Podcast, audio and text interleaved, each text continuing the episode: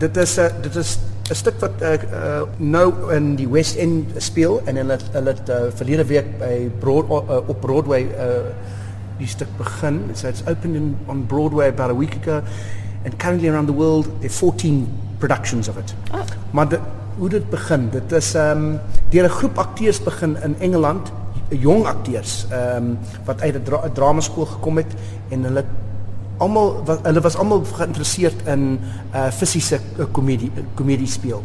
And so comedy comedians like Charlie Chaplin and Buster Keaton, and Harold Lloyd. And do they wanted to showcase their own skills. So they created this silly little project which was a amateur company putting on a murder mystery. Mm. And they took it off to Edinburgh played to no one. There were 10 of them in the cast. Sometimes they played to five or six people. No. Then they went back the following year and they did the same it got some traction. People started to watch. In their last performance, a producer from London saw it and said, well, come to a little off West End produ- uh, house, a, a little theatre above a pub. And they played there for about four or five months, doing all right. Not mm. great, doing all right. And then it got picked up by a London producer. Four years later, they've won the Olivier Award. They've now got three productions running at the moment on the West End. They've just opened on Broadway. And as I said, none of them are over, they're about 31, 32 years old, the full company. And it's been an amazing success story. Hoekom dink jy is dit dat dat gehore daarvan hou om te sien hoe akteurs foute maak? Want ek meen dis nie die, dis nie die eerste keer Nee, daar's 'n daar's 'n daar's 'n klomp stukke so 'n noises office 'n ja. goeie voor, by vo, voorbeeld daarvan. Ehm um, ek dink dis I think because of the ego like when you're on stage you're saying to an audience uh I'm good enough to be up here and we're going to share a story yeah. and we're presenting something as as this. And then when you see it not work like that, it's that beautiful tension between uh, private and public. So the public says everything's fine, but the private's going, how do we fix this? And I think that's what we're trying to find here is all those comic moments. But also I think because it's visual, it transcends culture and language. So you can, you, you know, I watched, I saw this production three times in the, in, in the UK. And the audiences on a West End, they come from all over the world. And you could see people weren't necessarily English speakers, but they loved it because it's so visual and physical. It's slapstick is a, when done well, is a beautiful thing. Yeah. And, uh, and it combines it with all the art of die klug. I mean, I think people love a good farce anyway. Maar dit moet baie moeilik wees om te probeer snaaks wees, maar nie te probeer snaaks yeah. wees nie. And that's a that's a fine line. So it'll be lovely. I'm, I'm I've been so proud of these guys. We've put this together in 17 days. It's crazy and uh, but they're ready to meet an audience now and they don't know yet what they're going to be i mean some of them do of course they've performed in many productions but this particular production doesn't know yet what's going to hit it with a full house tonight it's going to leap the play into a new area which will be brilliant but will present new challenges as well because suddenly you'll find that with the laughter it becomes another character in the play yeah. and it'll change the rhythms but it's uh, I think they're gonna. I think it's going to be exciting, and I think uh, my work as a director goes to another level now because over the next five or six shows before our press night next week, we will tweak and play, and depending on how the audiences are responding, we can go. They're in, they're following the story, or there's too much happening at that space. We've got to stretch stuff out, or we've got to go faster. So that, and I love all that puzzle. That puzzle is amazing to me. That's uh, that's what makes my work interesting. Maar jy noem nou jy het dit drie keer al gesien. So ja. jy het nou gesien, jy het gesien hoe hulle dit doen. Ja. Hoe kom mens dan nou terug met ander akteurs, jou eie akteurs ja, en en ons het dit dis eintlik baie verskillend. Ek het die, die, die drie keer toe ek dit gesien het was met verskillende ehm um, persone wat they had cast change ja. over those years. So it was over a period of 3 years. And it was interesting to see how they subtly changed. So here we've got because of the nature of what we're doing and because of the short time I didn't cast a particularly young cast. We've got three younger players, but we've got five uh, players who are experienced and have been around, people like Russell Savadier and Rob Fridjhon. And that immediately changes the tone because it's quite interesting to watch, for example, Russell, who's a much older mm. man, not, not too old, but older, to watch him break down and have a mental breakdown, a comic mental breakdown, is, I think, funnier than watching a 25-year-old having a comic mental breakdown. Because there's something about a man who's lived a life you know, not, you know, and so I think it's got quite a nice little texture to it. I think it's quite interesting.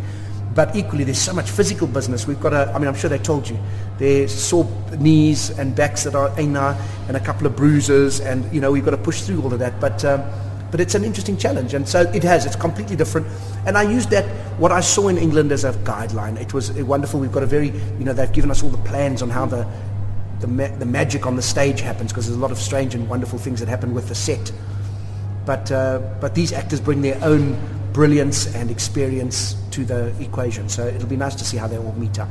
My character is, I think he fancies himself as the leading man of the company because we're an amateur dramatic company in the play, trying to put a play on, and I think he fancies himself as the leading man, and he takes himself very seriously.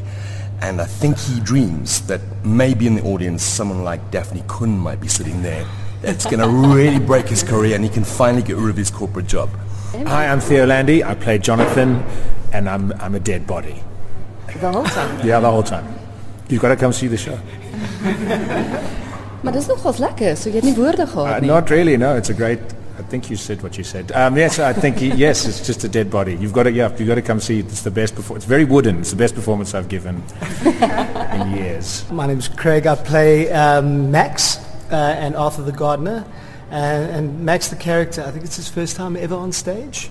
And he just can't help but stare at the audience and wave at them and break the fourth wall. Hi, um, I'm Nicole Franco, and I play Florence Colleymoore. Well, that's the name of the character in the play, but the actress is Sandra.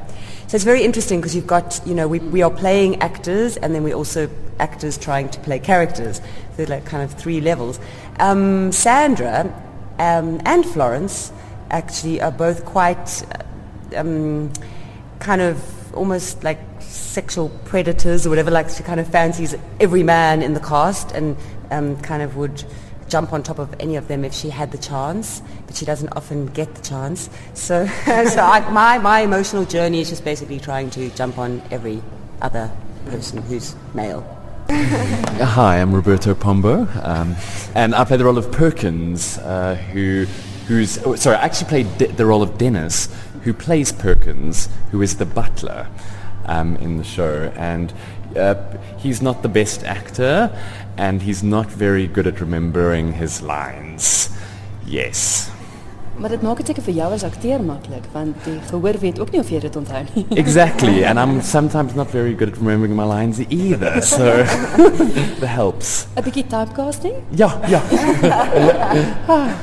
Hi, I'm Sive Gubangxa and I play Annie, who is the stage manager, and I'm responsible for the play going absolutely perfectly. Yeah. en die titel sê dit doen nie, né? Yeah, well, then you just gotta see what happens. But yeah, it's lots of fun. She's just, she transforms and she's bubbly and scary and shy, so it's lovely to watch. Yeah. My naam is Louis Viljoen. Uh, ek speel Trevor. Uh, en hy is die lighting and sound operator vir die show en hy wil nie involved wees in die show nie, maar hy raak uh, inadvertently involved in die show en dan gaan alles baie verkeerd vir hom. Interessant genoeg sê jy vir my dat jy eintlik nou in die regte lewe as Louis eintlik skryf. Ja, ek's 'n uh, ek's uh, ek's skrywer, ek skryf plays in Kaapstad. Ehm um, ja, so ek weet nie hoekom ek hier so is nie. Maar is dit vir jou lekker om nou vir 'n slag Dis heerlik, ja. Uh ehm um, hier is goeie mense en hulle is hulle is almal baie snaaks en um, I mean, hulle is nie great actors nie. maar hulle is hulle is okay, jy weet. Ja. Jy meen jy gaan nou nie spesiaal vir hulle 'n toneelstuk Nee, I mean, hulle is hier in Joburg, so dis fyn. Ja, ja. Yes, hello, I'm Russell Savadier, and I play um, a character called Chris. He is the um, director of the, uh, of the show. He's also the head of the drama company. So, um, and then he also plays the inspector in the show.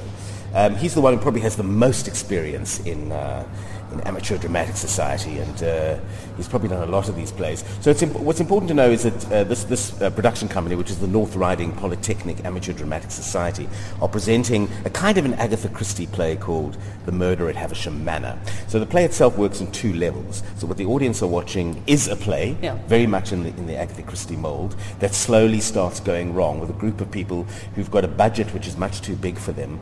They've, their, their dreams are too high. They've never, probably never worked on the set before. When they've opened, they have, a, they have an elevator that goes up and down. They have... Uh, they have a furniture that they probably haven't seen before.